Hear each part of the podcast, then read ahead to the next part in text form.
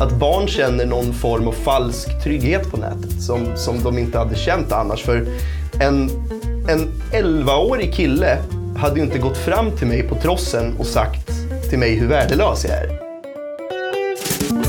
Du lyssnar på Samtal i Trosa med mig, Erik Karlberg. Idag träffar vi en infödd Trosabo som många lagt märke till. Han skriver på en bok om medberoende, har hamnat i trubbel med rättvisan för vad han sagt på nätet och har ett stort intresse för Estonia. I samtalet pratar vi om barn som näthatar, hur lätt det är att släppa videos i affekt och hur att bli pappa var räddningen från en destruktiv livsstil. Han har 140 000 följare på Youtube och säger sig vara helt besatt av Trosa. Välkommen att lyssna på samtalet med Alexander Rask. Jag tänkte så här när jag lyssnade på första avsnittet, är det här en fråga som kommer varje gång? Och så tänkte jag så här, vad ska jag svara om jag får den frågan? Och så har jag tänkt på svaret ända sedan igår faktiskt. Och eh, ja, men svaret blir väl helt enkelt så här, jag är väl en, eh, en mångsysslande trebarnspappa kan man väl säga. Så det är liksom många bollar i luften hela tiden kan Okej. man väl säga. Spännande. yes. Eh, ja, det där ska vi återkomma till, eh, vad det är du gör och familjen och så också. Jajamän. Eh, vart växte du upp någonstans? Eh, jag växte upp här faktiskt. I vilken del av Eh, jag växte upp på ett eh, radhusområde som heter Betesgången som ligger borta vid eh, eh, ja, men ett par hundra meter från Tomteklintskolan. Okej. Mm. Härligt. Hur, hur var det att växa upp i Trosa? Eh, jag tycker att det är jättebra att växa upp i Trosa. Och det är väl lite därför som vi har valt att liksom, jag tänker många, kanske inte i min ålder nu, det är väl nu de börjar komma tillbaka. Men eh, många åker ju, sticker ifrån liksom så här, i 20-årsåldern och tänker att ja, men jag vill se storstan och världen. Och så här, men jag tänker så att vill jag se storstan så är det ju 40 minuter dit. Liksom. eh, så att, nej, men jag, jag tycker det var jättebra att växa upp i Trosa. Det är ganska så här, eh, skyddat kan man säga. Det känns lite som att det är en liten stad. Alla känner alla. Händer det någonting då vet man direkt, då skrivs det på Facebook att man ska hålla koll efter någon som är ute och eventuellt rekar eller något sånt där. Så det är ett litet samhälle där eh, alla känner alla. Eh, och sen, eh, ja men just liksom att det, det är, eh, vad ska jag säga, alltså Trosa för mig är mer, jag är nästan besatt av den här stan. Alltså det, det, det är sinnesro kan man säga. Eh, så att jag, ja, men fantastiskt att växa upp i Trosa, måste jag säga. Ja, Men eh, du stack du iväg någonting sådär när du var 25-årsåldern? Eller? Jag flyttade till Vagnhärad, Okej, ja. men eh, där vart jag kvar ett år och längre än så har jag aldrig kommit. Just det. Ja, ja, men då trivs du verkligen. Ja, ja. Jag kan känna igen det där, men närheten till Stockholm är ju... Eh, man har ju hela det utbudet Mm. Ja, eh, ändå, ja, ja. även fast man ja, här. ja, man kan gå ut om man vill det i Stockholm och sova i sin säng hemma. Liksom, så det Ja, finns ju runt hörnet kan man säga. Ja, precis. Eh, du kanske är mest känd ut, utanför Trosa i alla fall för det här med Youtube och, sånt här. Mm. Eh, men vad är det, du nämner att du är mångsysslare. Vad gör du mer än, än, än det här? Ja, eh, jag gör en hel del saker som kommer i eh, kölvattnet av eh, Youtube kan man säga. Som jag har lanserat en eh, egen produkt nu. Vi säljer skäggolja och skäggvax. Eh, och där utnyttjar jag min plattform till, för marknadsföring och sådär. Jag håller på och jag började 2016 kanske och skriva en, en bok om min uppväxt som var lite sådär, jag hade en missbrukande pappa och sådär. Eh, Så att boken handlar väl om medberoende och sådär. Och sen så bytte jag, det här är invecklat nu men det heter YouTube-nätverk då. Eh, Det är lite som ett management. Så, så jag, jag bytte från ett till ett annat och då hamnade boken lite i, eh, föll mellan stolarna. Och sen nu har jag bestämt mig för att jag vill ta upp det där igen. Eh, så att nu har vi börjat prata med ett förlag och mitt nätverk håller på att hjälpa mig att sjösätta det här. Och så att, det, det är bok och det är skäggolja och skäggvax. Och det är Youtube och sen ja, men lite sådana här Okej. grejer. Och podda. Ibland, jag hade en podd förut som inte varit så långvarig, kanske några månader. Och så det har varit lite för mycket att, att bolla alla bollar. ja. Och ta hand om familjen också. Yes. Ja, men eh, intressant det här med boken. Mm. Eh, vad, eh, hur långt har du kommit på skrivandet? Ja, jag har, så här fungerar det. Jag har liksom skrivit som ett skelett kan man säga. Och sen så är ju tanken att jag ska få sätta mig ner tillsammans med någon som ska jag vet inte vad det kallas, om det kallas för spökförfattare. Eller, alltså någon som ska fylla ut och, och ja, formulera min text till en bok Mm. helt enkelt. Eh, Så att jag är väl så gott som färdig med, med mitt skrivande. Då. Mm. Eh, och sen så är väl den långa processen att liksom, ja, det, det lär väl bli ett par möten, eh, ganska många när man sitter ner med den här kvinnan eller mannen. Mm. Just det, och innan det blir färdigt. När tror du att det kommer, den kommer komma ut? Eh, jag, vet inte, jag vet inte så långt processen kommer ta. Nej. Men eh, jag har en kollega som, eh, på samma nätverk som också släppt en bok. Jag tror att den tog kanske ett år, ett och ett halvt år. Något sånt där. Just det. Ja men vad spännande. Mm. Eh, ja, där, då, då, då har du lite att gräva i. Ja, ja, det kan man Kring säga. barndomen och så också. Eh, Men vi, vi kan prata lite mer om det sen. Men vad Mm. jag tänkte på, vad, Eh, om du skulle beskriva vad det är du gör på Youtube, vad, vad skulle du säga? Eh, ja, det har väl gått lite i perioder kan man säga. Jag började på Youtube och när jag började så visste jag inte vad det var. Eh, jag visste inte att, att det här skulle bli mitt jobb heller. Utan jag, jag började liksom med, jag, jag, var ju, jag var ju vuxen och hade flyttat hemifrån men jag var ju fortfarande medberoende. Kan man säga. För de som inte vet vad medberoende är snabbt så kan man dra det. Det är liksom när man förnekar och möjliggör och skyddar en missbrukare och sådär. Och jag började bara, jag satte på kameran och bara, jag ville få liksom utlopp för, för, för, för det jag känner. Och kanske kunna visa för andra men även själv få någonting. Eh, för jag kände liksom ingen då som, som kom därifrån jag kom. Så att, eh, jag, jag ville liksom bara få, få ut det ur mitt huvud någon annanstans. Eh, och, och sen på den vägen var det.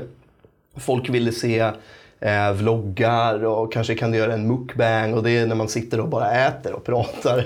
liksom, så att, eh, det var där det började eh, med att liksom prata om eh, min, min uppväxt och mitt medberoende och sen så så, så bara utvecklades det naturligt och det är allt ifrån vloggar där vi åker iväg och gör någonting kul och sen så kan det vara kanske en, eh, en granskande video om något företag där man har hört någonting eh, eller ja, så det är verkligen tvära kast kan man säga. Är det, är det fortfarande något, det här kring medberoendet och sånt? Är det något du fortfarande Ja, pratar om?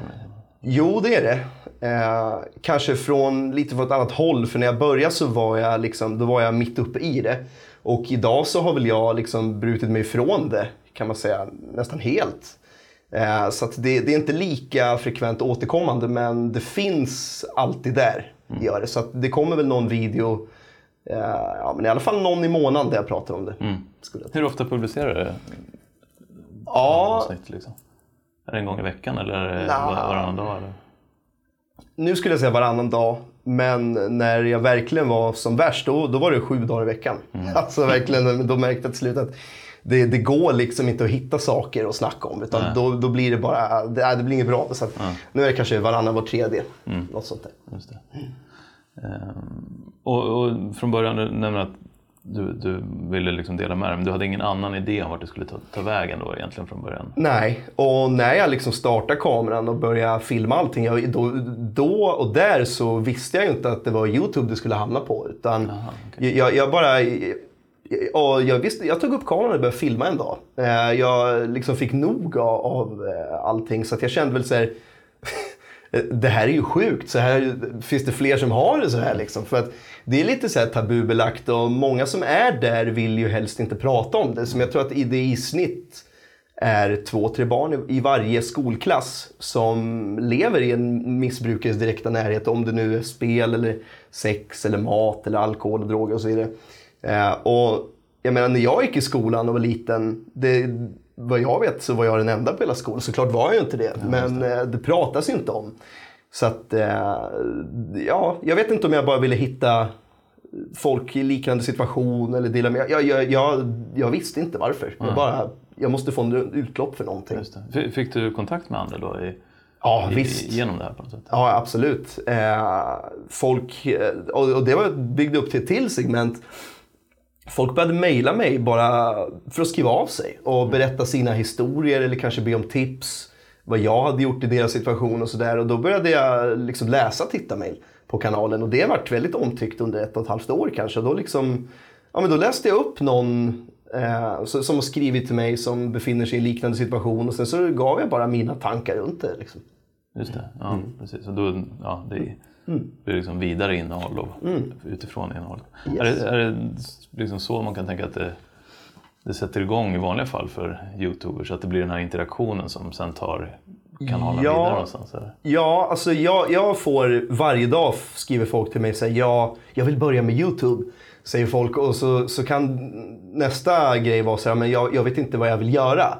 Eller jag vill, vet inte vad, vad jag ska prata om och sådär. Och då så, det kan låta lite hårt men då brukar jag faktiskt eh, ofta svara att eh, då skulle jag rekommendera dig till att inte göra alls. För att jag tänker så här att jag visste inte att det skulle bli så här. Och jag tänker att folk som börjar med det, antingen man, man har någonting från första början som man, som man känner att man antingen vill dela med sig av eller någonting som man kan väldigt bra.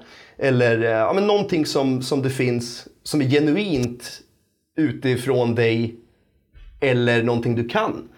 Eh, så att, eh, jag brukar säga om, om man vill starta en YouTube-kanal bara för att, då, eh, ja, då tror jag inte, då finns inte motivationen och ambitionen där utan då tror jag att det är, är någonting som man gör bara för att man kanske vill tjäna pengar eller om man vill ha eh, fame eller vad det vill vara. Men jag ska säga det att om man vill tjäna pengar på YouTube Nej, alltså det, det, det tar lång tid. Det tar lång, lång tid. Då tjänar man mer pengar med på vilket annat jobb som helst. Eh, Alltså för det, Tiden man lägger Ja, ja det, tar, det tar lång tid ty, tyvärr. Eller det är väl bra i och för sig för då tänker jag att då sållas det bort på vägen de som, som inte... som inte har något att säga? Ja, Eller? ja det, kan, det kanske låter hårt men, Ja. men så är det ju det. faktiskt. Mm. Men är det ett problem för det- man, man hör ju en del, speciellt yngre så här, liksom 12-14-åringar som, som gärna vill bli youtubers eller någonting sånt där. Vad, Är det ett problem att de...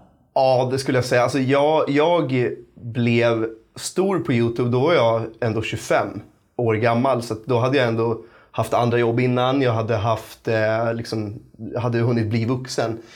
Eh, och, och ändå så har ju klimatet på nätet påverkat mig otroligt mycket. Alltså man, får ju, man får ju, vad man än gör på nätet, finns man och syns och hörs på nätet så det spelar ingen roll. Du kan donera liksom 80 hundvalpar till ett barnhem. Ändå så tycker folk att det finns anledningar att hacka på en för. Så att jag, jag tror att det är farligt tror jag för barn. Eh, och, och föräldrar vet inte heller riktigt vad som händer på nätet. Och det är någonting som jag väldigt ofta får jag liksom tag på, förlåt uttrycket, men skitungar som liksom skriver renodlat hat. Liksom. Eh, och då kontaktar man föräldrar som skäms jättemycket och jag visste inte att mina barn eh, gjorde så här på nätet. Så att, eh, det är väl någonting som jag kan säga här att man bör ha koll på vad ens barn gör på nätet. För att alltså, det finns Nej, jag ska inte gå in på det. Men jag har, jag har sett saker som, alltså ja, jag, jag önskar inte att mina barn får telefon först de är 20 typ. så, ja. så kan jag säga. Ja, precis. vad, vad kan man göra åt det här? Det, det är ju ett, problem, ett samhällsproblem på något sätt. Men... Ja, eh, ett, det, alltså jag tänker så här att det, det är ett problem som man aldrig kommer kunna eliminera helt. Utan jag tänker att man måste liksom verka motverka det där man kan. Och, och, och jag tycker att det enda sättet är helt enkelt för föräldrar att, att hålla koll på barnen. För att det finns människor som, det kommer alltid finnas människor som inte förstår vad som är rätt och fel och var gränsen går. Och, och sen så finns det även människor, hur sjukt det än låter, som, som faktiskt får kickar av det. Och, och då är det ju bara bra, då är det ju reaktioner de är ute efter. Så att jag tror verkligen att det enda sättet är eh, för föräldrar att liksom eh, hålla koll på vad barnen gör. Och när barnen då stöter på någon form av näthat, kanske vägleda dem hur, hur de ska bete sig och hantera det. Då. Så att vi, för det är också någonting som jag märker på nätet. Det är ett helt, det är inte nytt kan man inte säga, men, men de som har barn idag, många av dem hade ju liksom Alltså de, de, de hade ju inte smartphones och, och sociala medier och såna här saker. Så för många av dem är det ju främmande och helt nytt och tänker att ja, men på nätet, det är inte så farligt. Mm. Men ja, det är det. Så, så, så kan jag Ja, säga. det. Ja. Det där är ju också jätteintressant för om man tänker på det där, det faktumet, det är inte förrän de som, är, liksom, som, är som var vuxna Mm. eller så, vi, i, runt 2007 när iPhonen kom, när Mm. Ja. Mm. de började få barn, eh, då Ja, det, det är då det, det spelar in. Liksom. Mm. Ja, ja visst. Och, och det är nu som senaste jag, jag minns när första iPhonen kom. Då var jag, ja men 2007, då var jag 17. Ja, just det. Ja, men då är du precis där på, Ja, liksom, på ja. gränsen om man säger. Ja, precis. Så att är man lite äldre än 30 så är risken ganska stor att man inte vet faktiskt vad, vad som händer på nätet. Ja, och jag tänker också att eh, är man, liksom, var man vuxen då, kanske, det, egentligen behöver man ha varit tonåring Mm, ja. med smartphones. För var man vuxen så betedde man sig annorlunda. Man, när man var själv var tonåring Ja. kanske Ja. busstreck och här grejer. Ja, liksom. ja men det, det ligger någonting i vad du säger. För precis, det var ett helt annat... När vi var små, då satt ju inte vi med... med alltså betedde man sig... Man, säger, man går ju inte fram till någon i verkligheten och säger de saker som man säger till någon anonym på nätet. Liksom. Så att eh, det, var, det var ju verkligen ett helt annat... Kanske busringningar då som var Ja, liknande. ja, liksom. ja, ja. Och det, är- det var ju typ det närmaste man kan komma. Ja. Liksom. Så att, och, ja, verkligen. Men, eh, ja, men jag tror du har en, en bra poäng där med att föräldrar, om föräldrarna själva inte Mm. har sett eller varit upplevt i sin närhet med sina kompisar eller Ja. Mm. själva gjort busstreck i, i den miljön. För en hel del av det kanske bara är busstreck. Ja. Att det börjar där i alla Ja, fall. Liksom. ja och, och sen så tänker jag också att det är viktigt för, för föräldrar att ha koll på vad barnen gör på nätet. Inte bara för att de kan utsättas för det. Utan alltså, jag har pratat med så många föräldrar som inte har, hade någon aning om eh, vad deras barn gör. Alltså, som inte ens, jag visste inte ens att min son hade ett Instagramkonto.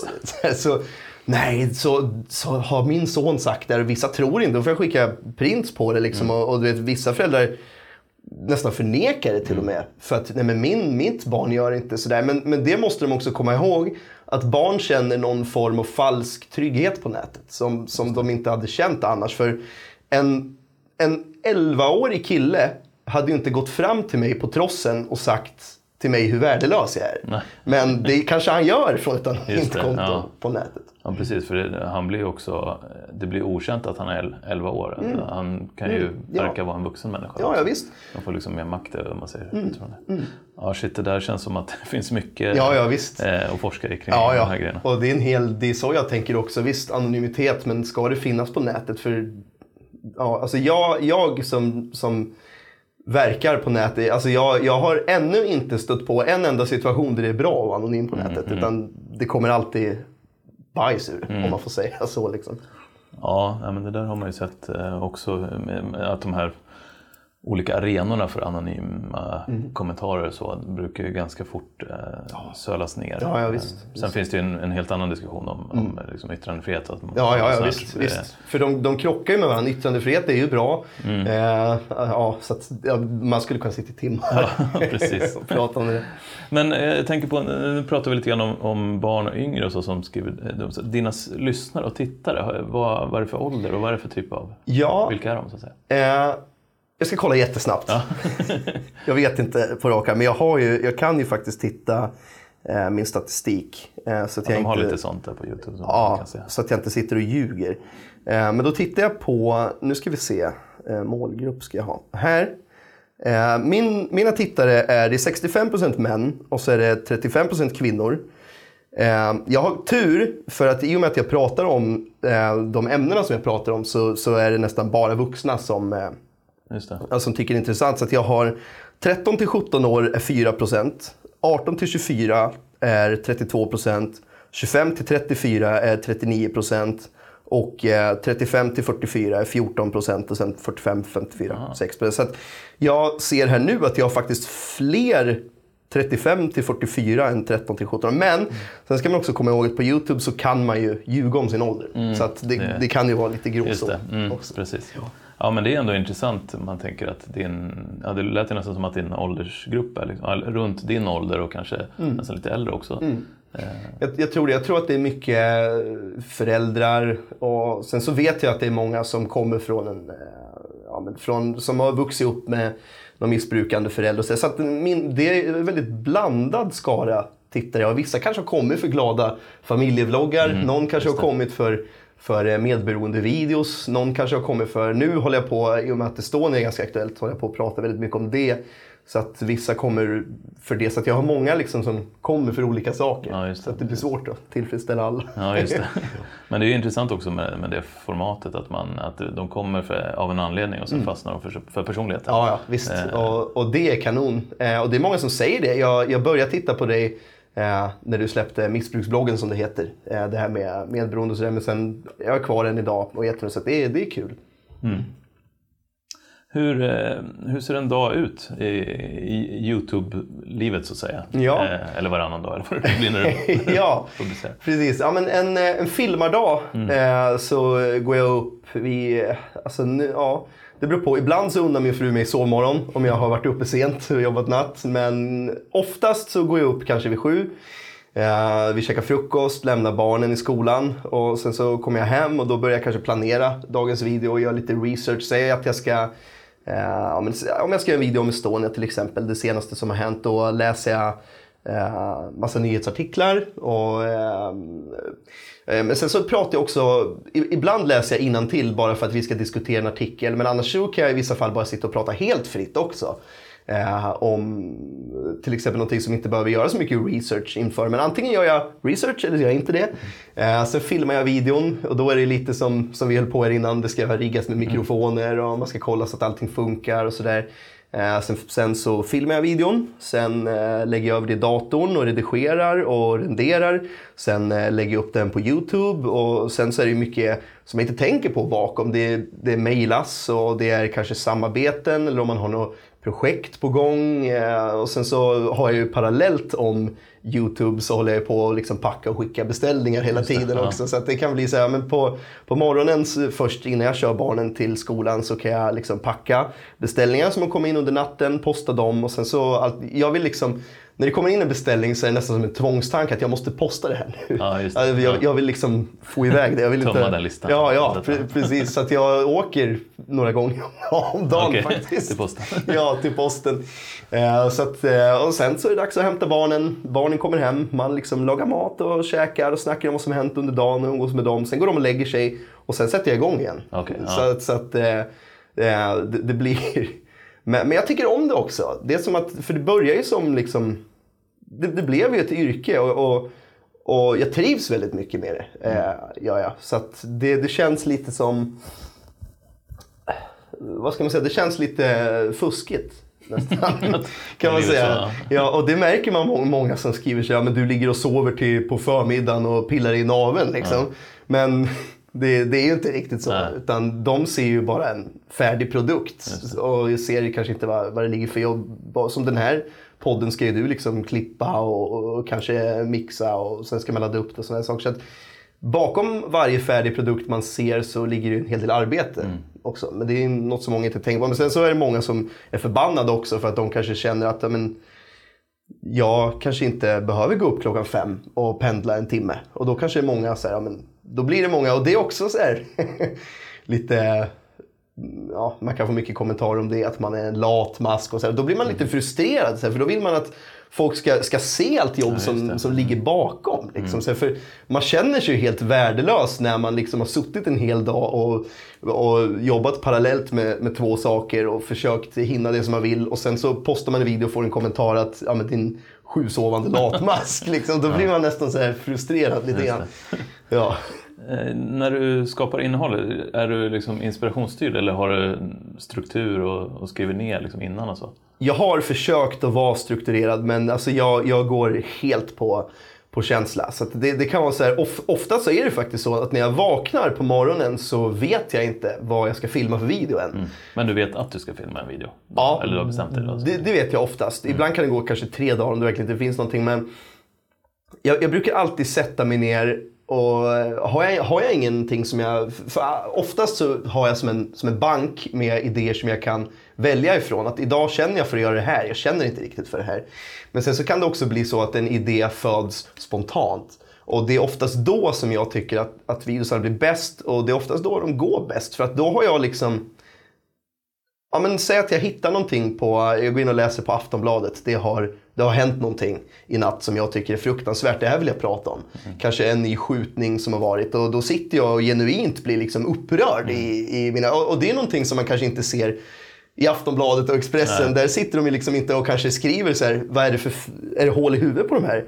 Eh, men, men jag kan liksom uttrycka mig på ett sätt som, som, som andra medier kanske inte gör. Jag tror att det är det som människor eh, tycker om. För då får de själva se en känsla som väcks hos mig som de själva kanske känner. Och då blir det mer relaterbart. Liksom. Så att oftast blir det eh, bäst när jag bara, när jag bara wingar det. Så att säga. det. Mm, Precis.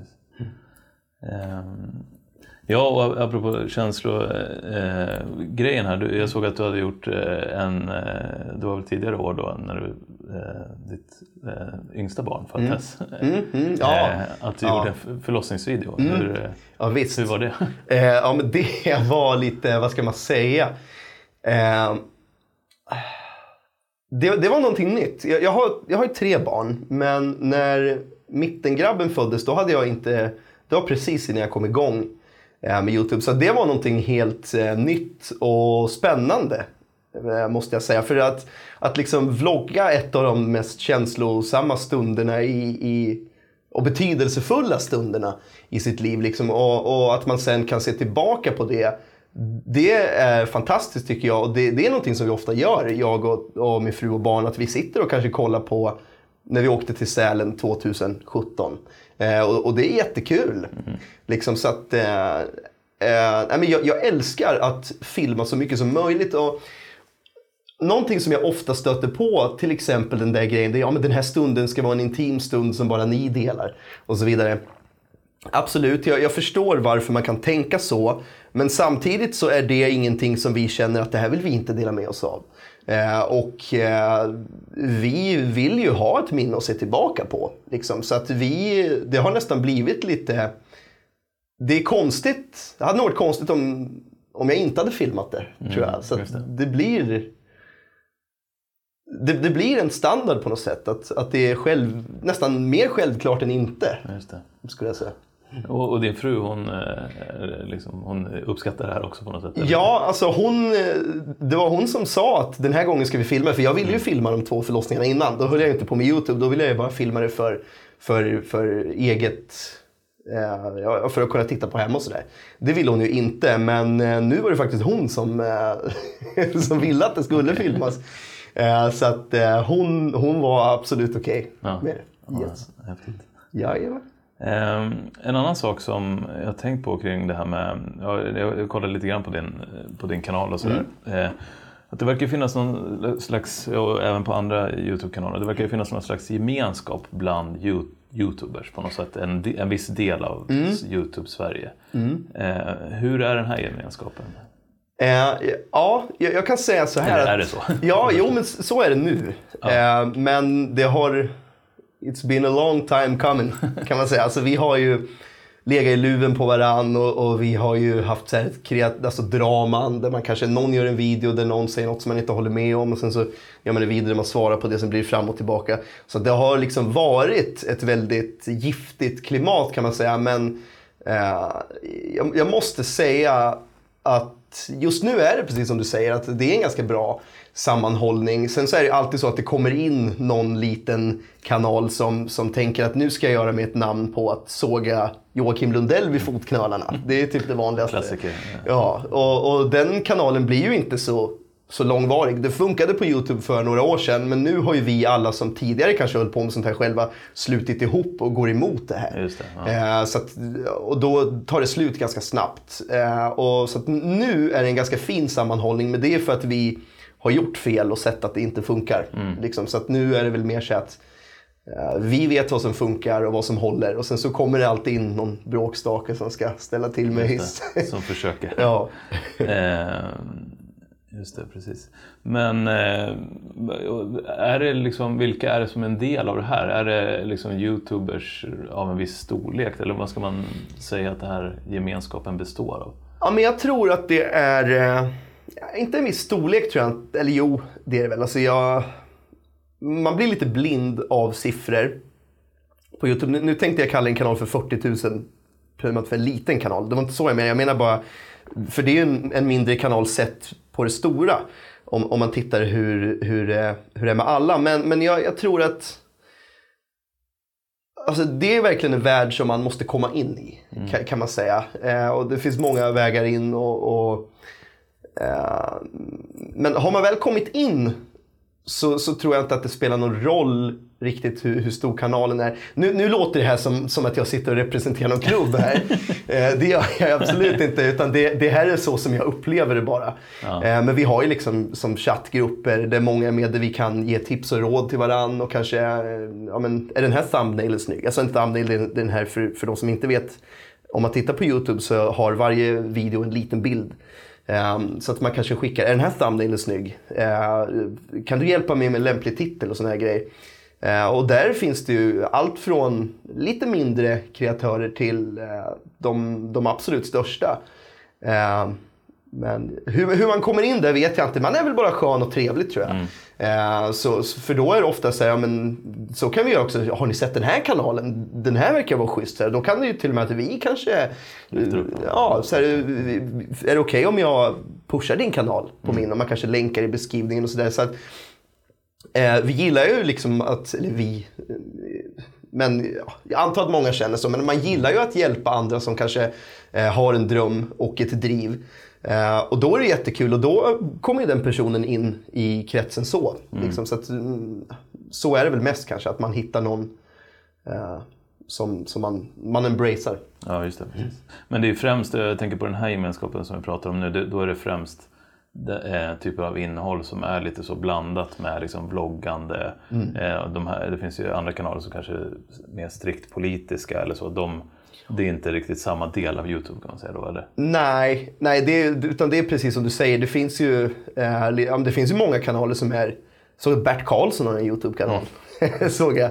Eh, så det finns väl verkligen...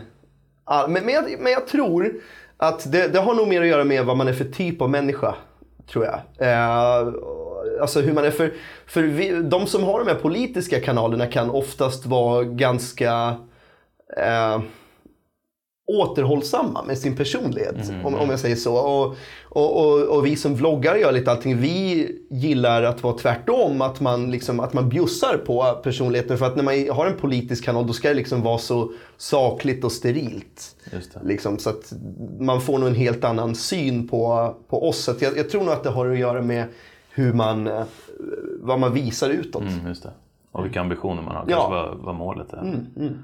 Eh, Just det. Och um, det har ju varit en del, för, för, för, din del också en del hat och hot och, och dramatik och sånt. Oh, yeah. ja, hur har det påverkat dig? Har, orkar du med det här? På något sätt? Ja, alltså jag, jag har reglerat det lite med avsikt. Jag var mer personlig förr. Eh, alltså då delade jag med mig av verkligen allt eh, på Youtube. Men sen finns det folk som väljer att liksom ta det man säger och vrider det till någonting som alltså hitta på ett helt eget scenario kanske till och med. Och sen så blir det en, det som är en spekulation för någon blir en sanning för någon annan och sen så har ett löst rykte blivit en sanning. Liksom. Och sen så spelar det ingen roll vad jag säger. Då är det, du vet, så, så att jag har med avsikt blivit mindre personlig för att jag liksom inte orkar med allt det där. Du vet, det är så, du vet, så man, all energi bara, uh, alltså, du vet, så man orkar inte med det. Ehm, men sen allt eftersom tiden går också så, så det låter hemskt att säga men man vänjer sig. så ska det naturligtvis inte vara. Ehm, men ett exempel. När jag började med Youtube och fick ett dödshot, du vet, då var det som att man frös till is och, och nästan fick en panikattack. Shit. Ehm, man ringer polisen och polisen, men alltså, när jag får ett dödshot nu, du vet, det är så här, man känner sig tvingad till att göra en polisanmälan för man vet att man kommer ändå få ett brev där det läggs ner trots att man vet vem det är som har, som har gjort de här grejerna. Liksom. Så att, eh, jag orkar inte med sånt där känner jag. Så jag börjar bli mindre och mindre personlig. Nu har jag nyligen lyft upp en sån här stolle på min kanal. Men det är bara för att få polisen att säga Hallå, ska ni ta den här killen? Mm. liksom. Eh, för jag, jag, var med om något liknande för några år sedan där jag liksom fick beställningar hem till mig. Jag fick kulor på posten med, med barnens namn, eh, blyhagel, det, det, kom matleveranser, taxibilar. De spoofade sms till våra grannar som kom och knackade på allt, du vet så sent på kvällen när barnen ska sova. Såna här grejer. Eh, så jag dedikerade ett halvt år av mitt liv till att få reda på vilka de här människorna var. Eh, det fick jag och jag gick med det till polisen och de la ju ner allting och då vart jag galen. Och tänkte att så här ska inte gå till. Eh, Så jag började prata om det på min YouTube-kanal och då blev jag kontaktad av Trolljägarna. Var med i två avsnitt där och de tog det till polisen som tog upp fallet igen för de kunde inte lägga ner det då. Eh, Trolljägarna sändes klart och sen så låg det på en åklagares bord i två år tills eh, det var preskriberat och då fick jag ett mail hem att nej, vi kan inte göra någonting åt det för det har preskriberat. Så det är väldigt energi och tidskrävande. Eh, och det påverkar en absolut, eh, det gör det ju. Och, och det är därför som jag har valt att bli mindre personlig. För när, när Alltså, av, av ren princip så kan jag liksom inte blunda för ett mordhot. Alltså, jag, jag måste ju anmäla det. Eh, och sen så vet jag ju att det kommer inte bli någonting, men då vet jag att jag har i alla fall tagit mitt. Eh, för jag tycker att det är ett ansvar att, att polisanmäla det. Även om man vet redan från början att det kommer inte bli någonting, Mm, ja, ty, tyvärr. Just det. Och, eh, precis. Ehm, ja, det, man får väl hoppas att det i takt med att det blir mer medvetenhet kring de här grejerna blir Ja, det också bättre ja. eh, Mm. hanterat. Men jag tänker att det är många jag vet inte hur mycket på Youtube, men när man tänker på Twitter och så, Mm. det finns ju folk som liksom så här, nej men jag lämnar plattformen. Ja, det ja, ja. inte. ja, ja visst. Och, och det jobbiga i det hela är att det känns som att polisen tänker lite som att ja, men det är på nätet. Det är Mm. inte så farligt, inte på riktigt. Men jag, nu har jag ingen statistik här, men jag, om jag får gissa och tro så känns det nästan som att majoriteten av alla brott begås på nätet med bedrägerier och hot och hat och så här. Och ska vi någonsin kunna råda bot på det där så måste ju polisen ta tag i det. Eh, och inte lägga ner saker utan att folk får se utåt att beter man sig illa på nätet så kommer det att få rättsliga konsekvenser. För klimatet på nätet just nu är ju att vem som helst kan säga och göra vad man vill. Mm. Tröskeln är låg för att Trö, eh, tröskeln är låg. Och, ja, ja, visst. Och, och det, jag kan säga det är ju svårt som kreatör också att veta vad man själv... Jag själv till exempel har hamnat i lite knipa för att jag har sagt saker på min kanal i stundens hetta som man får ångra sen och sådär. Eh, Så att jag, jag är ju inte Guds bästa barn heller. Eh, Men alltså det är verkligen en djungel som, som bör skövlas så att man får lite utsikt och se vad som händer liksom. Just det, precis. Yes. Eh, tänkte vi skulle prata lite grann med, med ja, det här med syftet vara på, på Youtube. Vad, eh, I dagsläget, Mm. Ja. gör du det för pengarna eller berömmelsen? Ja, jag älskar uppmärksamhet. Eh, och det har jag alltid gjort och kommer alltid att göra. Som, som nu, jag har ju alltid sett väldigt exotisk ut om man kan säga det så. Alltså mycket så här, jag var vad man kallar för slisare för. Alltså Motley Crue var mina husgudar. Det var tuperat hår och spandexbyxor och smink och så här. Och, så att jag har alltid gillat att eh, få uppmärksamhet på alla sätt i alla former. Men det har ju blivit ett, ett yrke och utan Youtube skulle jag ju inte klara mig överhuvudtaget. Så att, indirekt så blir det ju, eh, men jag tror att det är det för allt. Alltså det, det var ju liksom börja som eh, en hobby är väl fel sak att säga, men jag ville få utlopp för någonting. Eh, och det fick jag. Och sen så, så vart det ett yrke av det. Eh, så att, att jag är kvar på Youtube, det är väl liksom, ja, det, det, det blev ett jobb och sen så får jag min, eh, mitt, mitt bekräftelsebehov eh, Ja, tillfredsställt. just det. liksom. Så det, det är nog allt tror jag som spelar in. Bolag.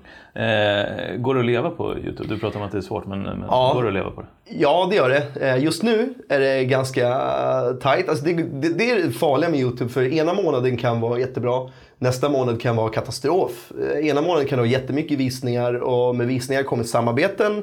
Eh, Och nästa månad kanske går lite trögare, sämre visningar, sämre samarbeten och då kanske man får leva bara på annonsintäkter. Eh, Så det, det, ja, ingen månad är den andra lik kan man säga. Så vill man ha trygghet och stabilitet så är Youtube också fel yrke.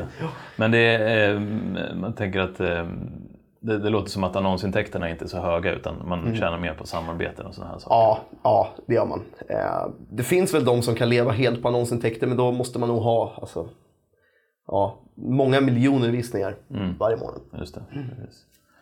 Ehm, Just det. En annan sak som intresserar mig mycket kring det här med, med sociala medier och Youtube och sånt, det är eh, alltså det här med medieetiken. Eh, och, och då tänker jag Ja, tidigare hade vi tidningar och tv-kanaler och där finns det ofta ett helt gäng med personer som jobbar. Mm. Både liksom den som kanske skriver eller tar fram någonting, mm. sen finns det dens chef och några steg till mm. innan det ja. publiceras. ja, finns... precis. Innan det publiceras är det någon som ser igenom ja, det. Ja, som kollar. Ja. Och, och, i det här läget då har vi mm. liksom räckknappen och sen precis, på precis. Och, och samma person alltihopa. Ja, ja. Och, och det är eh, faktiskt ett riktigt problem, måste jag säga. Det är jättefarligt och en fälla som jag själv har klivit i många gånger. Eh, där man önskar att någon kanske hade tagit en dag och sett igenom den här videon innan och sagt det här kan vi absolut inte släppa. så att, eh, ja, men det, det är ett problem, är det. Eh, och, och då blir det så, alltså influencers är ju väldigt ofta i blåsväder. Och jag tror att det är just för att det som du säger, att vi har ju liksom ingen som... Alltså vi, vi kan ju bara ta kameran och spela in en Insta-story och direkt nå ut till flera tusen människor. Och då kan det bli jättetokigt och väldigt ofta så blir det ju det. Eh, och då får man ju liksom bite the bullet och ta, och ta smällen.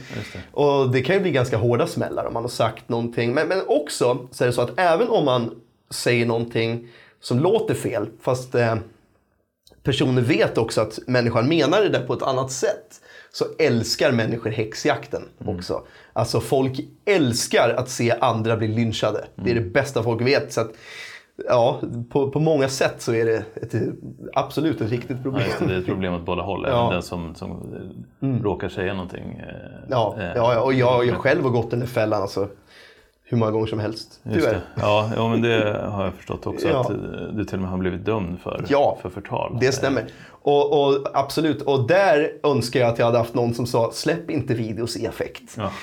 Eh, gör inte det. Men eh, det gjorde jag och fick ta konsekvenserna som blev närmare 90 000 i skadestånd tror jag. Eh, så det, var, det var ganska saftigt. Ja. Och, och sen skyddstillsyn till och med. så att nu har jag två månader kvar tror jag på frivården, kriminalvården, där jag liksom bara får gå och prata med dem. Mm. Och sådär. Eh, och sen så kommer jag ju ha, vad heter det nu, eh, två år till där jag liksom är under uppsikt ja, så att säga. Eh, så att jag inte ska återfalla i brott. Det mm. låter lite kul. Ja. Men, men så det är så det funkar.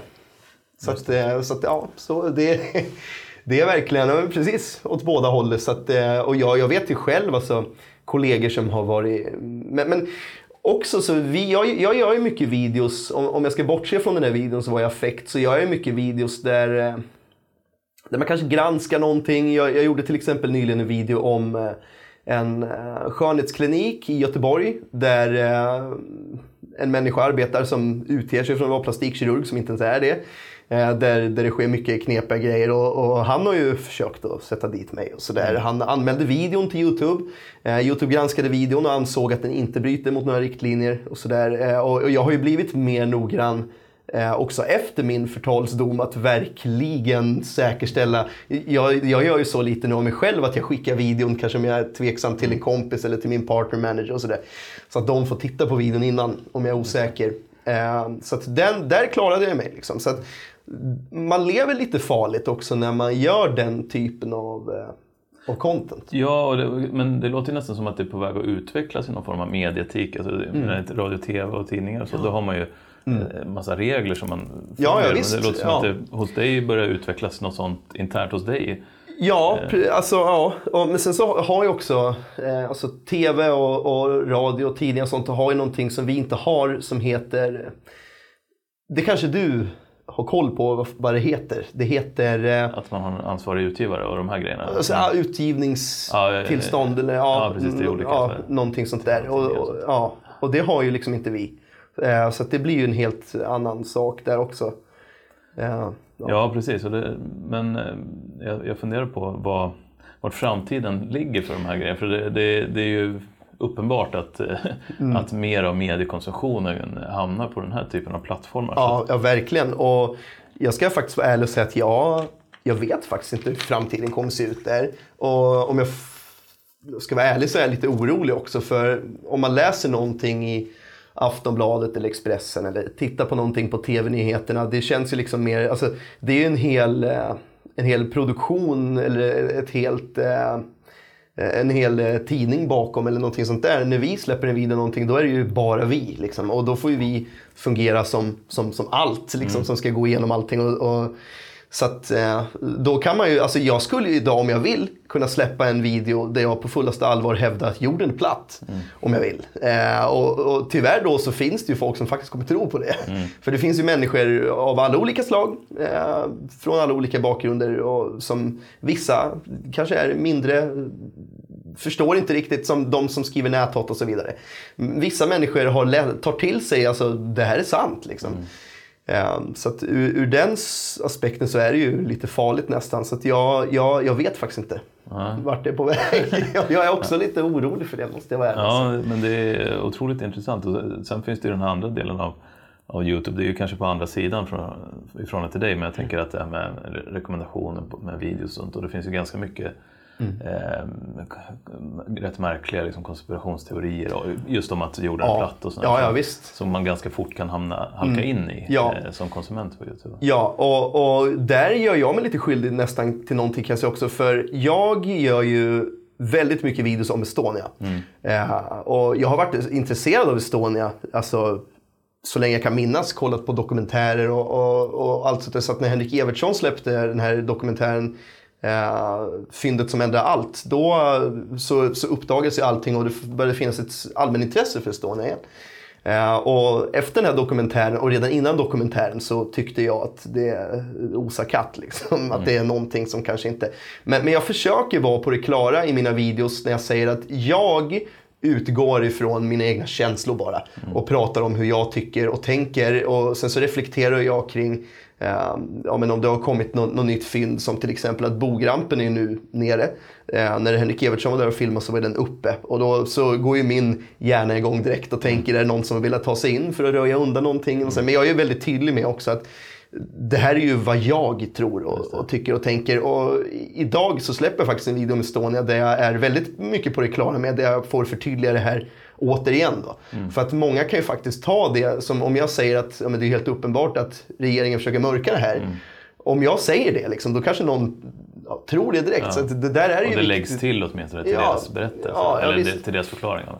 Ja, eh, så att där är det ju viktigt tänker jag, att jag är tydlig med att det här är ju bara vad jag tycker och tänker och tror. Liksom. Mm, så att, och, och, det, och, det, är lite det som, som är eh, med Youtube också, som är lite skillnad från en tidning och så vidare. För de som följer mig följer ju oftast mig för för mig. Eh, och, och, vissa till och med följer den bara för att ja, men, jag kanske släpper videos som inte alls faller dem i smaken men de gillar den jag är när jag släpper vloggar och sånt. Mm. Och där jag visar mig själv och följer mig för den saken. Så att många tittar, det är ju ingen som läser Expressen bara för att det är Expressen. Det finns säkert någon mm. som, någon, någon som röstar på... på ja, ja, precis. Eller, ja. eller, man röstar på det som pappa och farfar alla har röstat på fast man själv kanske inte vet vad det är och så vidare.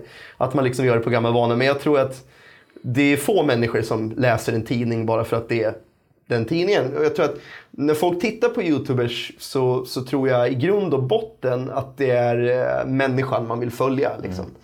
Ehm, så jag, jag, hoppas inte att det är där människor hämtar sin information. Så, så kan jag säga. Man kan titta på oss och ta det vi säger eh, till sig men man bör inte häv, hämta sin fakta ifrån oss. Just det. Men ja. det, är, det, är, det är jätteintressant för att där det är ju ganska eh, kort avstånd till att sen kanske hävda att mm. det man säger är ja. den slutgiltiga sanningen. Och ja. då är man inne på de här eh, lite mer knepiga ja. konspirationsvideos. Mm. Eh, ja, ja, visst. visst. Och, och där kan jag, alltså ja, det, jag kan verkligen leva mig in i det. Och liksom så här, som, som i, idag pratar jag om varför man liksom har låtit ja, hundratals människor ligga kvar på, på Bottenhavets botten i 27 år. Liksom. Eh, och, och, hur regeringen pratar runt det här. Och då kan det ju vara väldigt lätt att tolka det som att allting är fakta. Men jag, jag tycker verkligen, det måste understrykas här, mm. att man, man, kan, eh, man ska inte hämta sin grundläggande info från oss. Just det. Ja. det är någon, någon, form av underhållning i, ja, i det ja, ändå. Ja, jag skulle vilja säga att det är det som är där så att det är det det är i grund och botten. Det är, det är underhållning. Mm. Eh, på ett sätt som, som tidningar är väl mer liksom så här. Så att även om, om jag gör en video om Estonia eller om Expressen skriver en artikel om Estonia.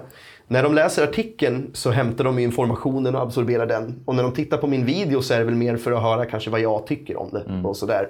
Eller få återspegla lite ja, känslor då kanske? Ja, ja, ja, ja, exakt. Just det. Yes. Ja, eh, oerhört intressant det här med, med Youtube och det är ju verkligen en ny, eh, är ny det är inte ens ny längre, men eh, i, i förhållande till Ja, den traditionella ja. medievärlden så är det någonting som är på väg att förändras ordentligt Jajamän. eh, och redan har förändrats. Men jag tänkte att vi skulle gå in lite grann på, eh, eller hoppa tillbaka till dig själv lite grann. Eh, du fyller snart eh, 31 har jag förstått. Jajamän. Eh, har du passerat 30-årskrisen eller är du mitt uppe i den? Eh, ja, men jag, alltså jag, jag tror... Jag har inte direkt någon 30-årskris sådär, utan jag är mer så här... Jag älskar livet och vill aldrig att det ska ta slut. Så att eh, ångesten som jag får relaterat till min ålder är så här att shit, jag, jag vill inte bli gammal och dö. Liksom, så att jag har ingenting emot att, skulle jag veta så att ja, men, jag är 30 eller 40 eller 50 men kommer ju inte dö. Då skulle det inte spela någon roll. Men nu ser jag varje födelsedag som en, eh, ett steg närmare döden. Och där vill jag liksom inte hamna. Så det är väl lite där min, min kris ligger. Men jag har inte liksom så här... Det handlar inte om, om ålder i sig utan det handlar om hur nära Ja, slutet Ja, kommer. pre- så. precis. För jag tror att det skulle vara svårt för mig att få en 30-årskris. För att ska jag måla naglarna, det har jag gjort sedan jag var 12. liksom. eller, eller ska jag byta stil? Jag, jag ser ju lite, lite knepig, eller knepig, men Det skulle jag... vara tvärtom då? Att du skulle, Ja, ja, ja, precis. Ja, det är nästan så min kris skulle få bli då. Att jag skulle få, få lasra bort tatueringar och ta bort lite nagellack. Och, sådär, ja. Just det. Ja, Yes. ja nej, men det... Eh, vi pratade lite grann om dina egna, egna barn också. Mm. Eh, Hur, och det har vi väl varit inne på lite grann också kring din barndom. Men hur skiljer sig deras barndom mot din barndom? Jag har som, eh, eh, ja, men som, som grund, vad ska man säga, som, som, som grundrecept i mitt föräldraskap skap, så har jag lite att jag vill inte ge mina barn den barndom som jag hade. Jag hade en bra barndom med, med min mamma. Eh, hon har ju varit fungerande och, och sådär. Eh, så att jag har ändå haft mycket bra vuxna runt om mig. Eh, så att på så vis hade jag ju tur. Eh, men, men jag vill att eh, mina barn ska... Jag, jag, när jag ser på mina barn och de kanske vill att jag ska följa med på ett läkarbesök eller någonting. Eller när jag märker att de känner en trygghet i mig. Det är någonting som jag, som jag verkligen inte kan relatera till själv eh, hos min egen far. Och det eh, ser jag lite som ett kvitto på att jag har lyckats. Just för att jag vill inte att mina barn ska känna den här... För jag menar, det jag kommer ifrån påverkar mig än idag. Alltså jag, jag har trauman och, och lider av extrem psykisk ohälsa. Eh, mycket panikattacker och sånt. Och jag kan inte komma på vad det annars skulle bero på. Liksom. Eh, och det vill jag liksom bespara mina barn. Men samtidigt också så, så vill jag liksom inte sugarcoata världen heller. För jag vill att mina barn ska liksom vara, vara redo för livet så att säga. Så att jag försöker liksom hitta en, en, eh, ja, någon form av balans där. Eh, jag pratar mycket med barnen om det har har hänt någonting, kanske något stort. Eh, och liksom försöker få dem att förstå så att, så att man liksom inte säger men det där har aldrig hänt. Utan att barnen vet att världen är tuff.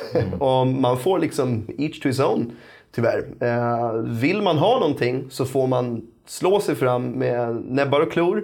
Och det är blod, svett och tårar. Eh, Och, och, och allting är inte en saga. Liksom. Eh, det, oj, vad mörkt det låter nu. Det är inte så mörkt som det låter. Eh, men men jag, jag, försöker, jag, jag försöker vara en, en, en, eh, en, en närvarande pappa eh, som, som, som alltid finns där för barnen och att barnen alltid ska finnas det. För, för min pappa fanns inte där när jag var liten. Det var inte så att han rände ute på stan utan han, han hade ett jobb som jag tror också kan ligga mycket till grund för hans, det som blev ja, som, att det blev som det blev. Mycket representationer och sånt där. Men han var ju liksom aldrig hemma. Och när han var hemma så var han ju full eller eh, påverkad av narkotika. Och man visste liksom aldrig om, om pappa var hemma, vad kommer han vara i för skick när man kommer hem? Och sådär. Eh, och man liksom vet aldrig riktigt, man känner sig aldrig trygg när man är ensam med en förälder. Och, sådär. Och, och det är någonting som jag verkligen vill bespara mina barn. Så att lyckas jag med det så, så är det mission accomplished. Och, och än så länge känns det som att det kommer gå bra.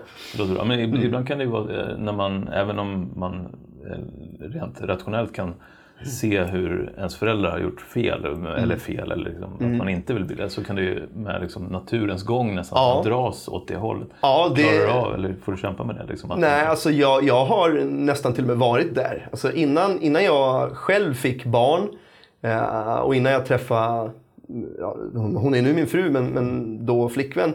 Så du vet, jag, jag bara drev med vinden kan man säga och reflekterade inte så mycket. Så det blev ju Motley Crue var mina husgudar, The Dirt var min bibel. Så att eh, destruktivt beteende var till och med coolt tyckte jag. Liksom. Så här, det, man, man läste att mm, ja, vad ska man ta? Men, men vi försökte till och med i vissa fall göra saker som vi hade läst i The Dirt. Och The Dirt för de som inte vet det är eh, rockbandet Motley Crues biografi. Eh, och de levde minst sagt ett destruktivt liv kan man säga. Så, att, så att det, det, det var mycket från 18 till 21 när eh, jag träffade min fru och hon blev gravid så, så var det mycket destruktivitet. Alltså det var mycket, mycket sprit och mycket droger och kanske till och med sex med oskyddat sex med främlingar och, och, och det var ju till och med coolt tyckte vi. Det var ingenting som vi tyckte, men det här är, är eh, det här ligger grunden för någonting som inte är så bra. Utan det fanns ingen morgondag. Utan det fanns inga konsekvenser. Vi, Det var rock'n'roll. Det var, det var rock'n'roll. Och, och tvärtom visste vi att ju mer konsekvenser du får, ju coolare är det. Liksom. Så, ehm, men eh, när min fru, eller då var hon min flickvän, men när, när hon berättade för mig att hon var gravid så, så då var det nästan som att jag tänkte, vad ska jag säga, alltså, vad, vad håller jag på med? För jag tänkte, oj nu ska jag bli pappa. Det funkar liksom kanske inte att supa fyra dagar i veckan. Och för, för jag märkte också att eh, till slut så, så blev det inte roligt att festa utan amfetamin och kokain. Ehm, och det är inte ett bra tecken liksom. Ehm, så att jag, jag tror att det var i grevens tid tror jag. Eh, för, för det var då jag verkligen tänkte att fortsätter jag så här så är jag inte bättre än min egen farsa. Och jag, jag vet ju mycket väl var jag kommer ifrån och hur det har fått mig att må. Eh, så, att, så att där och då var det jag klippte av mig håret, jag började använda ja, normala, alltså nu ser jag helt normal ut i jämförelse med förr. Även om jag kanske sticker ut lite grann. Fortfarande, jag tror att man kommer aldrig kunna ta Motley Crue helt ur mig. Ehm, men eh, jag klippte av mig håret, jag slutade festa. Eh, nej, det gjorde jag inte. Jag slutade med, med narkotika helt. Festandet fortsatte kanske ett år eller två, kanske till och med in i eh, min första sons år i livet. Men då var det kanske en fredag man gick ut med vännerna och sådär. Men eh, allt eftersom år som, som nu idag, till exempel, du vet jag jag, jag, orkar inte vara bakfull. Alltså jag, jag klarar inte av det. Gör jag inte. Och, och sen så vet jag också att jag, jag ska vara försiktig med det. För jag har den genetik som jag har. Ehm, och jag vet också att när jag dricker en öl så känns det väldigt roligt. Och då tar man gärna en till. Och, och två öl känns också kul och så tar man en till och sådär. Eh, så det kan bli det, det kan bli eh, så här, Många har ju svårt att sluta. Jag, jag tror att jag tänkte nog inte ens på det så. Utan det bara... Ja, alltså det, det låter så klyschigt att säga det, att när man får barn så, så förändras allt. Men, men det gör verkligen det. Hoppas jag. Alltså jag vet ju att det finns ju exempel på föräldrar, tyvärr även här i stan, som, eh, som skulle behöva vara mer närvarande och dricka mycket mindre. Jag ser många av dem som jag umgicks med för 10 år sedan, eh, 10, 11, 12, 13 år sedan börjar det till och med bli nu. Många av dem ser jag fortfarande på, ja, de ser inte krya ut, de ser inte pigga ut och de har barn eh, som de skulle behöva finnas mer för kanske. Så att det verkar liksom inte, den poletten verkar inte falla ner för alla när man får barn. Men för de flesta i alla fall. Och, men då, de här vännerna som du hade då på den tiden, är det, umgås du fortfarande med dem eller har du liksom Nej. bytt uh, av minnes? Ah, ja, en, en, en kille umgås jag fortfarande med. Eh, och han gjorde nästan exakt samma resa som mig kan man säga. Vi, eh, Eh, vi är lika gamla och han gillade väl också att festa mycket, så kan jag säga. Eh, och, och, han fick väl barn samma år som mig. Eh, och han, han och jag träffas fortfarande. Han är gudfar till och med till min förstfödda. Så att, mm. vi har bra kontakt idag. Mm. Och, och, han känner väl, han är precis som mig, man orkar inte längre. Det är det där bästa knepet ja. för att sluta dricka. Ja, ja. När man inte orkar vara ja. för länge. Oh, ja. just det. Um, Ja, jag tänkte den här Youtube-grejen börjar väl snart avrunda. Men var, mm. vart tar den vägen om, om ett år? Vad har du för eh, Ja, eh, ja. För, menar du för egen del? Eller, eh, ja. ja. För egen del så ska jag vara ärlig och säga att jag vet inte riktigt. Alltså Youtube börjar mer och mer, intresset, mitt intresse för det börjar väl svalna mer och mer. Jag tycker fortfarande att det är jättekul. Eh, men vissa dagar så är det inte alls kul. Vissa dagar är det bara så här, men, alltså, du vet, då känner man bara så här, ska jag släppa den här videon så får man ändå ta emot massa hat och sen så känns klimatet bara hopplöst och det är inte kul längre eller vad det nu kan vara. Uh, men sen så finns det också de dagar som, som idag, du vet, var jag on fire. Jag spelade in två videos till, till jag har flera kanaler, jag har ett gäng. Eh, men huvudkanalen är väl, den har 143 000 prenumeranter. Men sen har jag också en lite mindre kanal där jag pratar hårdrock som är ett intresse. Och sen har jag en, en annan kanal där jag släpper familjevloggar. Så, så att idag så, så kändes det skitkul och jag filmade eh, och släppte två videos. Men eh, om ett år så håller jag nog fortfarande på med Youtube tror jag. Men jag tror att jag mer och mer börjar kanske fundera på vad, vad nästa kapitel är. För det, det känns också som att som att jag har tagit mig så långt jag kan på Youtube lite. Uh, för, för, det känns som att jag, det är svårt att växa också. Jag menar, alla som vill prenumerera har gjort det nu. Jag menar, för, för Youtube är en liten, eh, vad ska man säga, en liten, alla vet vilka alla är. Kanske även om man inte prenumererar på en kanal. Lite. Så jag, jag tror att det, det, känns väl lite dead end där. Uh, jag, jag kommer nog inte ha det som arbete för alls särskilt många år framöver. Men jag tror att jag kommer alltid i någon mån släppa videos för att jag har ju det här bekräftelsebehovet mm. också. Som äh, måste tillgodoses. Så att jag, jag, kommer nog alltid finnas på Youtube äh, i, i någon mån. Men jag tror att om ett år gör jag det nog fortfarande men om två år så gör jag det nog inte. Det tror jag inte. Okay. Mm. Yes. Ja, det blir nog väldigt tyst om man har, går, går ifrån att få ja. den uppmärksamheten. Till, ja, verkligen. Till, äh, mm. Men också jätteintressant med vad, jag tänker det här fenomenet med Youtubers som du nu mm. är. Eh, hur, hur, hur, kan man bli gammal i det? Det återstår ju att se. Precis, ja alltså det återstår ju att se. Eh, för Youtube har väl funnits, är det ja, 5, 2005, 2006? Ja, det har funnits ganska länge så. Ja, det har det. Men, så att, eh, så att, ja. ja. men, men jag tror att ja, men man vet ju inte än för Youtube har inte funnits riktigt så länge.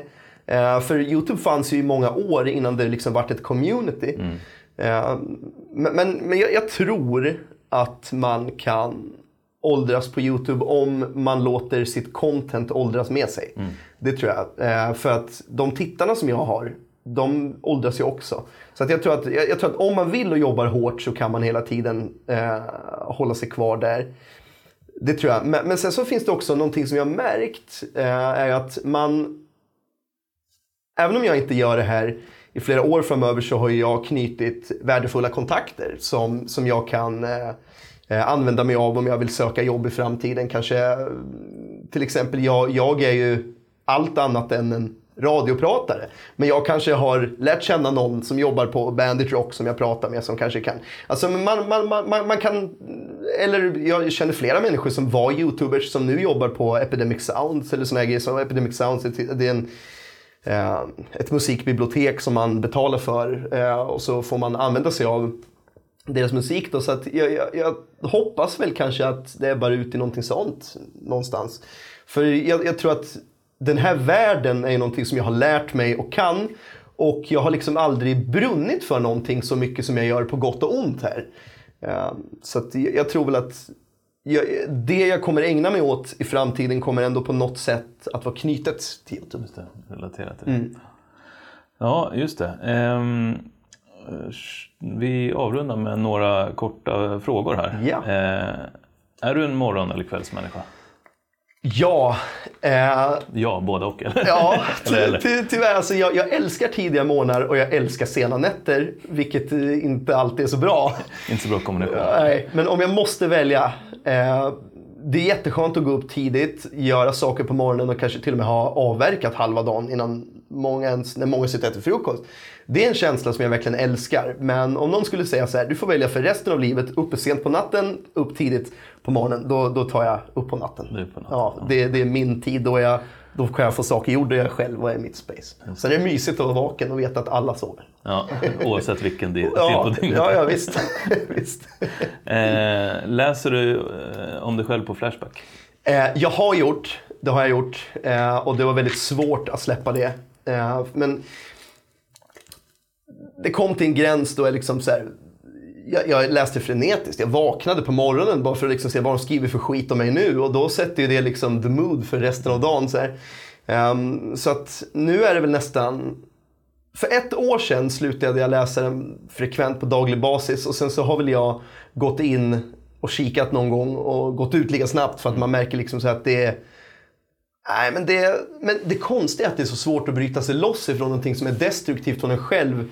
Det är liksom som att man, man gör det fast man vet att man kommer må dåligt av det. Men det, idag, ja, nu kan jag eh, med, och, och, och, alltså allting fläta samman för att tack vare mina möten med kriminalvården, frivården, så får jag jobba med att hantera yttre faktorer, inre faktorer, vad jag kan påverka, vad jag inte kan påverka, eh, vad jag själv väljer att ta del av och så vidare.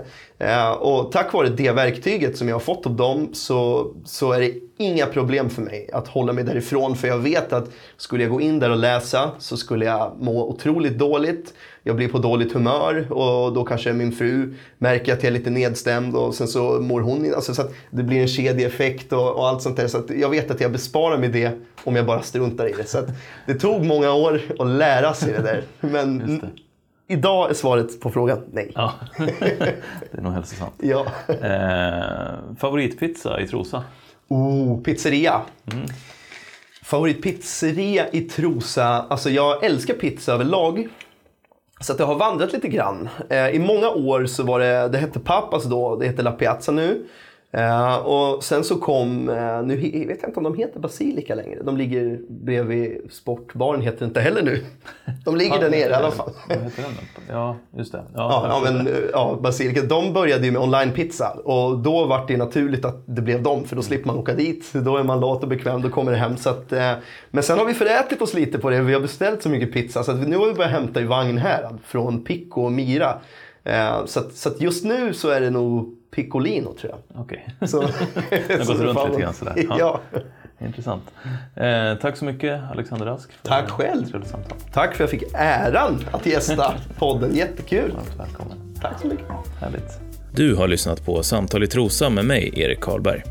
Gäst idag var Alexander Rask och podden den spelades in på Finkontoret.